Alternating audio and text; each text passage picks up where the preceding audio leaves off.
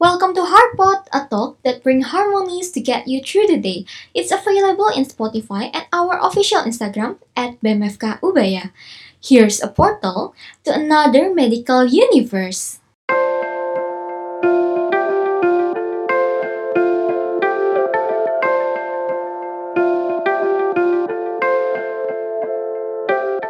Hi, Harvard Friends, bersama saya Sarah Kirana di podcast episode kedua BEM Fakultas Kedokteran Universitas Surabaya dengan judul Harpop kita kali ini yaitu Blooming in Self-Love. Goodbye insecurities. Langsung aja, hari ini kita kedatangan teman ngobrol kakak cantik mahasiswi FK Ubaya angkatan 2017. Please welcome Kak Keke. Hai semuanya, aku Keke, nama panjangku Ketut Ayel Kavindi Soarlin dan aku angkatan 2017. Oke oke. Jadi buat yang belum tahu nih, Kak Keke ini merupakan salah satu mahasiswi hits FK Ubaya yang mungkin beberapa teman FK lainnya udah sering tahu kalau Kak Keke ini juga sering update dan berbagi cerita, sharing tentang self love dan reminder juga nih di media sosial kayak Instagram itu ya Kak ya. Iya, Oke, kita ngobrol ya Kak ya. Aku mau tanya beberapa pertanyaan nih. ayo ayo. Kak Keke ini kan sering sharing tentang self love di berbagai platform media sosial kayak Instagram gitu. Ini tuh mau awalnya gimana kak? Awal mulanya apa yang buat kakak itu aware tentang pentingnya speak up dan berbagi tentang self love ini? Apa yang membuatku aware dan mau speak up itu karena kebiasaan aku sehari-hari mostly di media sosial ya. Jadi aku sering banget lihat postingan orang itu misalnya ada Mhm. yang good looking ya, itu aku lihat juga kan komentarnya. Nggak jarang banyak eh, orang yang ngomentarin, terutama yang segender sama dia ya. Itu lebih ke kayak ngerasa iri, insecure sama kecantikan orang tersebut. Terus juga yang kedua yang membuat aku pengen sharing karena aku pernah post konten di TikTok. Itu konten iseng-iseng aja. Jadi aku share screen record uh, papa aku yang nanggepin aku ketika aku pengen skincare karena pas itu muka aku lagi breakout dan ternyata aku kaget juga kalau misalnya konten itu bakal apa ya booming gitu loh banyak banget yang komen kalau mereka tuh iri sama perlakuan papa aku ke aku terus mereka juga kayak ngerasa ehm, kok papa aku beda ya? Terus uh, broken home can relate yang kayak gitu-gitu. Dan di sanalah aku mulai memikirkan kenapa ya aku nggak buat konten yang ngejadarin uh, diri aku maupun orang banyak bahwa kita nggak mesti kok seperti orang lain. Kita punya hidup kita sendiri, punya perjalanan kita sendiri. Kenapa kita harus iri sama apa yang dimiliki orang?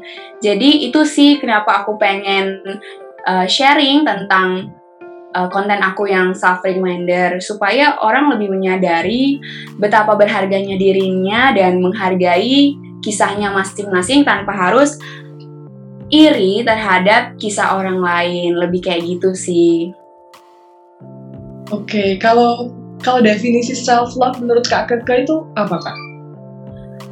kalau self itu kan diri sendiri terus love itu Hmm. mencintai tapi menurut aku self love Yes. itu lebih kepada bukan sekedar mencintai tapi menerima kekurangan dan kelebihan kita dan memanfaatkan potensi yang kita punya tanpa harus membandingkan diri kita sama diri orang lain kan sometimes ketika kita membandingkan sama orang lain iri itu pasti ada Nah, ini yang kita harus cegah dari yang namanya self love. Ketika kita udah mencintai diri kita sendiri, maka hal tersebut tidak akan menggugah pikiran kita untuk menjadi seperti orang lain. Seperti itu menurut aku. Oke, berarti secara nggak langsung nih kak Keke udah cukup ngaplikasiin bentuk self love di real life ya kak ya? Iya. Terus gimana? Terus gimana caranya biar kak Keke itu menerapkannya ke dalam kehidupan sehari-hari kita? Cara menerapkannya yang pertama sih aku lebih ke mengenal diri aku dulu ya. Jangan sampai orang lain lebih kenal aku daripada diri aku. Terus juga dengan aku mengenal diri aku apa kekurangan kelebihan aku aku menerima sehingga ketika ada postingan misalnya cewek yang lebih cantik dari aku aku paling cuma memuji kecantikan mereka tapi tidak membuatku berpikiran oh, aku mau seperti dia ah supaya banyak yang like dan komen juga supaya disukai sama cowok-cowok. Yang nggak sampai kayak gitu gitu. Lebih kepada jadi diri sendiri dan ya diri memanfaatkan potensi yang kita punya seperti itu Benar-benar nih, setuju. Terus ini lagi nah, penting nih kak, aku juga mau tanya, gimana caranya biar kita itu menjadi diri kita sendiri? Kemudian apakah ada aturan atau limitasi tertentu dalam mencintai diri sendiri? Atau eh, dari kakak-kakak sendiri, ap- adakah hal yang selalu kakak pegang gitu loh? cara menjadi diri sendiri ya Hmm. Cara menjadi diri sendiri tentunya kita harus kenal dulu siapa kita. Balik lagi, kita harus tahu apa kekurangan kita, apa kelebihan kita, apakah kita siap menerimanya, dan tanpa melihat apa yang ada di orang lain gitu loh. Jadi lebih kepada kita kenalin dulu diri kita sendiri. Kalau limitasi menurut aku lebih kepada mawas diri aja. Jangan sampai kita uh, over confidence terhadap diri kita sendiri juga jangan menutup telinga terhadap kritikan orang lain. Ini kritikan ya, bukannya cuma Hmm. eh, opini orang. Misalnya nih, kita gendut. Ada orang yang bilang, "Ih, kamu gendut banget." Nah, kalau itu itu bukan kritikan karena tidak ada alasan kenapa kita harus berubah jadi kurus. Kecuali kalau misalnya ada orang yang ngomong, "Eh, "Kamu gendutan ya, kenapa kamu eh, coba deh kalau misalnya kamu nge-gym mungkin seminggu sekali itu mungkin akan membuat kamu lebih badannya lebih bagus lagi dan juga menjaga kesehatanmu. Kamu tahu nggak sih gendut itu bisa eh, menyebabkan beberapa penyakit seperti ini ini misalnya gitu. Itu kan membangun. Ya udah kita dengerin. Nah kita accept or not seenggaknya kita mendengarkan. Beda sama yang bilang ih kamu gendut banget. Misalnya kayak gitu itu kita nggak usah dengerin. Yang penting kita pede daripada kita mau kurus tapi kita nggak nyaman misalnya dari gendut ke kurus kan pasti banyak rintangannya dong nggak semua orang secara instan bisa kurus jadi kurus itu susah Hmm. kayak misalnya makan makanannya harus yang eh, nggak ada garamnya gitu kan harus mengurangi porsi nasi itu kan pasti bagi beberapa orang menyakitkan kayak gitu ya lebih ke kayak gitu aja sih Oke, terus seberapa penting sih kita itu mencintai dan menerima diri sendiri itu? Terus benefitnya itu apa? Kemudian, apakah dengan kita memprioritaskan diri sendiri itu juga salah satu bentuk self-love? penting banget ya mencintai diri sendiri itu karena kalau nggak kita dulu siapa lagi gitu loh terus Oh iya, benar-benar. Hmm, kalau masalah memprioritaskan diri sendiri, kita pakai analogi teori pesawat ya. Kan kalau misalnya Oke. kita di pesawat, kalau tekanan oksigennya itu di kabin menurun, pasti masker oksigen akan keluar dong. Benar-benar. benar. Dan kru kabin pasti akan menjelaskan terlebih dahulu, pakailah dirimu sendiri, baru tolong orang lain. Dari situ kita bisa nangkep papasan. Coba menurut kamu gimana? Pakailah buat kita sendiri dulu, baru orang lain. Tapi Maksudnya analogi berarti, heeh. Ah, ah. apa? ya itu kita dulu sendiri gimana? Kita dulu sendiri, baru kita memikirkan orang lain. Gitu gak sih, Kak? Iya, benar banget. Jadi bener kalau aku. kita kalau kita belum bahagia, bagaimana cara kita membahagiakan orang lain? Maka itu pentingnya memprioritaskan diri sendiri. Dan sama juga kalau misalnya nih analogi lain, misalnya kita berada di lingkungan yang tidak mensupport kita atau memang mereka tidak menyukai kita bukan karena kita bersikap jelek ya tapi memang mereka nggak suka sama diri kita ya Hmm. kita be kita harus memprioritaskan diri kita sendiri dulu. Kalau tahu di mereka itu tidak menyukai kita kelompok itu yang menyukai kita ya udah walk away from that uh, group gitu. Cari kebahagiaan kita. Kebahagiaanmu nggak mesti di tempat itu gitu. Seperti itu. Terus juga em, memprioritaskan diri ini bukan berarti egois ya. Jadi kalau misalnya dalam hal tolong menolong kalau selagi kita bisa ya kita tolong gitu. Why not gitu ya? Terus kalau benefit dari self love sendiri, tentunya ketika kita udah mencintai diri kita sendiri, kita tahu kapal kapabilitas kita, kekurangan kelebihan, pasti kita akan lebih percaya diri. Contohnya uh, dalam meraih goals yang kita inginkan ya. Misalnya nih, kalau kita mau interview, ketika kita udah percaya diri, pasti kita akan lebih jago lagi interviewnya, udah nggak gagal gugu, udah nggak malu seperti itu, udah nggak terbata-bata. Jadi pentingnya itu lebih ke percaya diri dan juga membuat diri kita bahagia menjalani hidup tanpa harus Oke. memikirkan omongan orang lain yang bersifatnya negatif ya dan bukan membangun gitu sih menurut aku. Mm-mm. Jadi kuncinya percaya diri dan bahagia. Iya. Oke kak. Heeh. Mm-mm. Tapi kan self love itu somehow dia ada positif ada negatifnya. Betul Ini banget. menurut kakak gimana? Supaya gimana ya, kita tuh nggak merasa kayak overconfidence kita tuh nggak kepedean gitu loh kak jadinya. Dalam mengekspresikan diri yang takutnya itu nanti malah jadi toxic dan berdampak ke diri kita sendiri. Bagus banget nih pertanyaannya. Jadi Bagus caranya biar kita nggak overconfidence lebih ke mawas diri aja sih. Kita harus tahu batasan kita.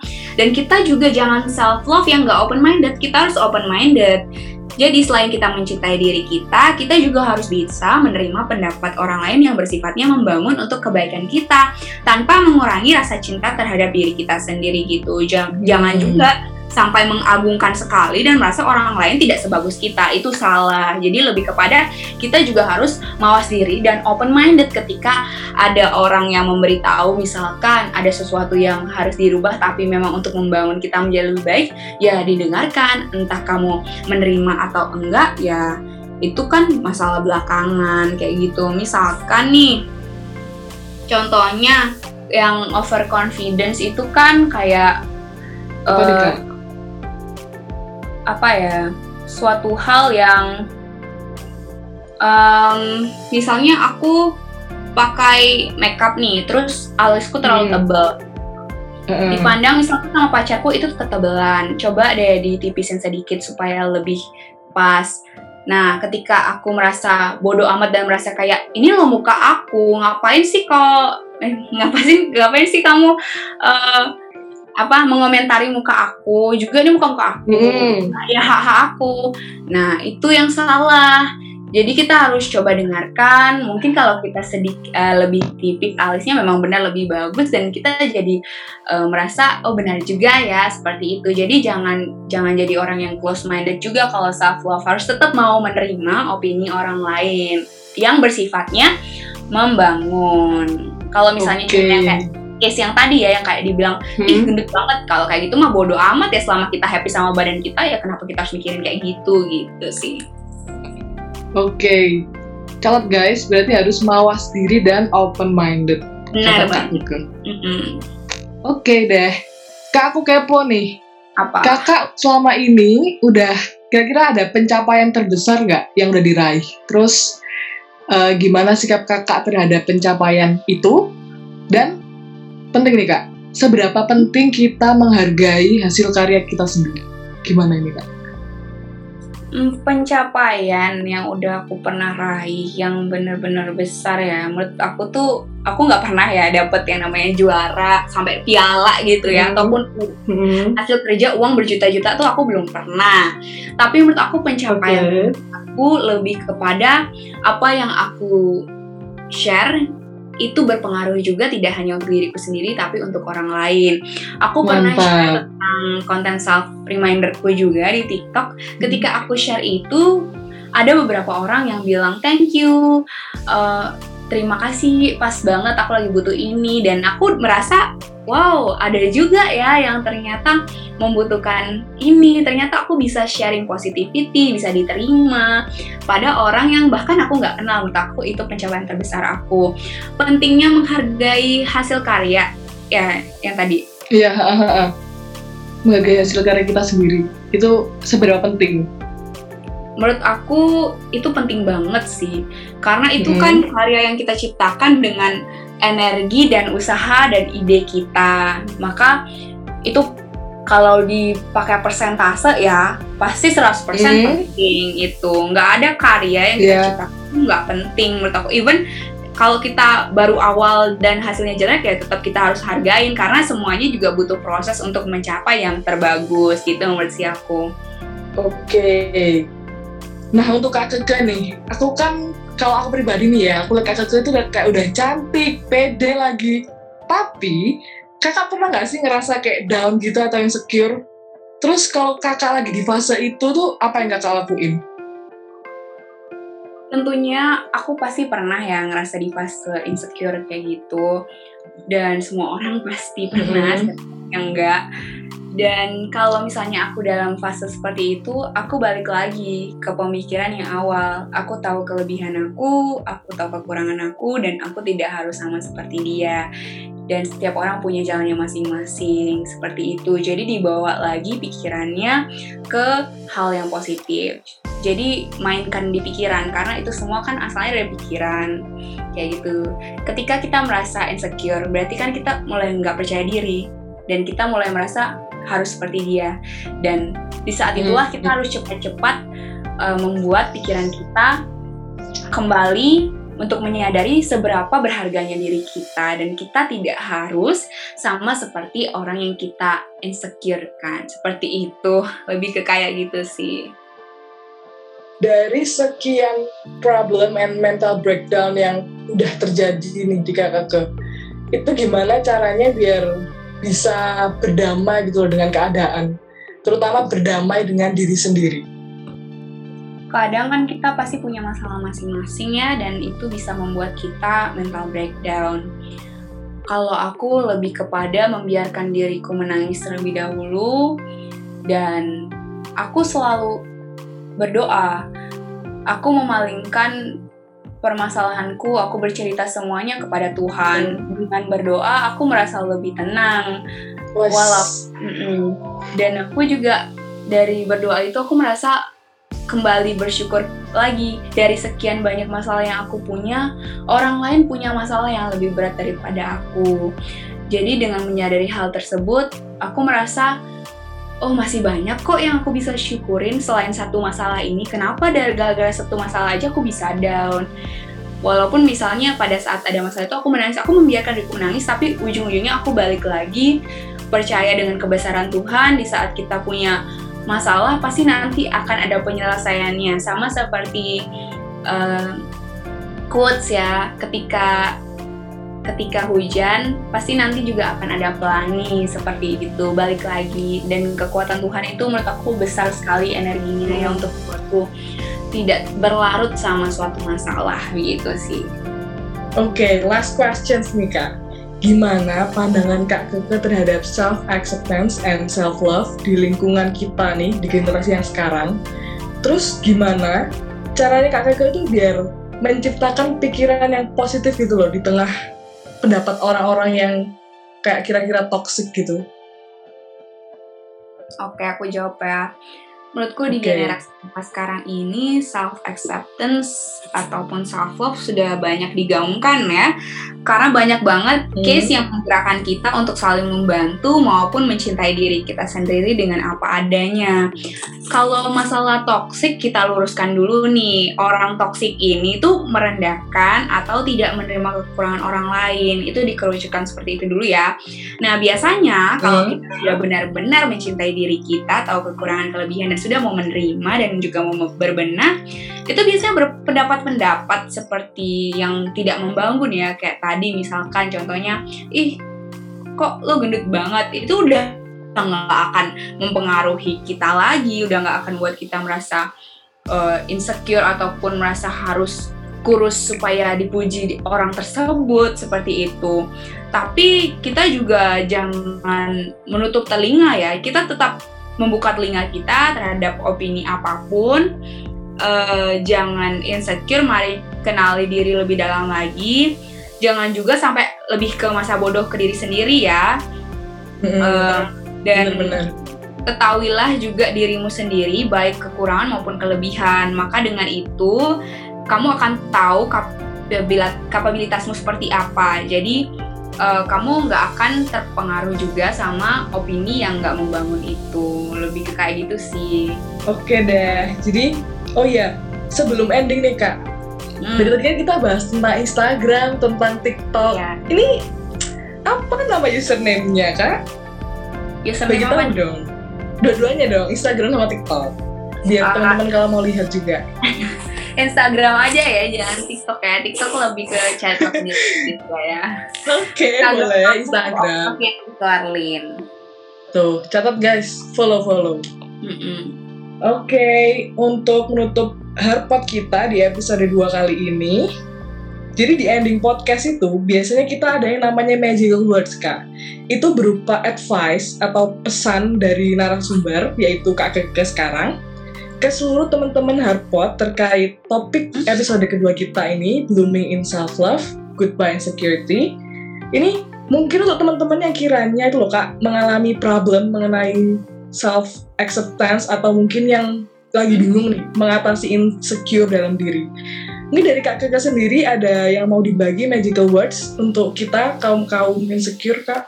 Silahkan. Sebelum ke magical word, aku mau ngasih tahu dulu sih kalau misalnya kalian Apa masih kita self love, it's okay take your time karena self love itu bukan tuntutan tapi lebih ke kewajiban terhadap diri kamu sendiri bukan untuk orang lain. Dan, dan magical wordnya uh, focus on yourself. Stop comparing yourself to others. Start chasing your Okay. goals and dreams, and see Okay. how your life gets better. Iya itu. Wait, mantap bener nih. Oke, thank you Kak. Kak Keke udah mau menyempatkan waktu bagi cerita. Dan tadi juga di terakhir udah kasih magical words nih buat kita semua. Thank you Kak. Iya, semoga kalian yang dengerin dapat manfaatnya. Thank you ya udah mau dengerin sampai sini. Oke deh. Oke guys, thank you untuk pendengar Harpot Friends yang udah mendengarkan episode kedua kita kali ini. Sampai jumpa di episode Harpot selanjutnya bulan depan. Oh ya nih, terakhir, saya mau kasih pantun sedikit, sedikit nih, singkat-singkat. Dua, tiga buah kelapa. Sampai jumpa. Bye. Bye bye.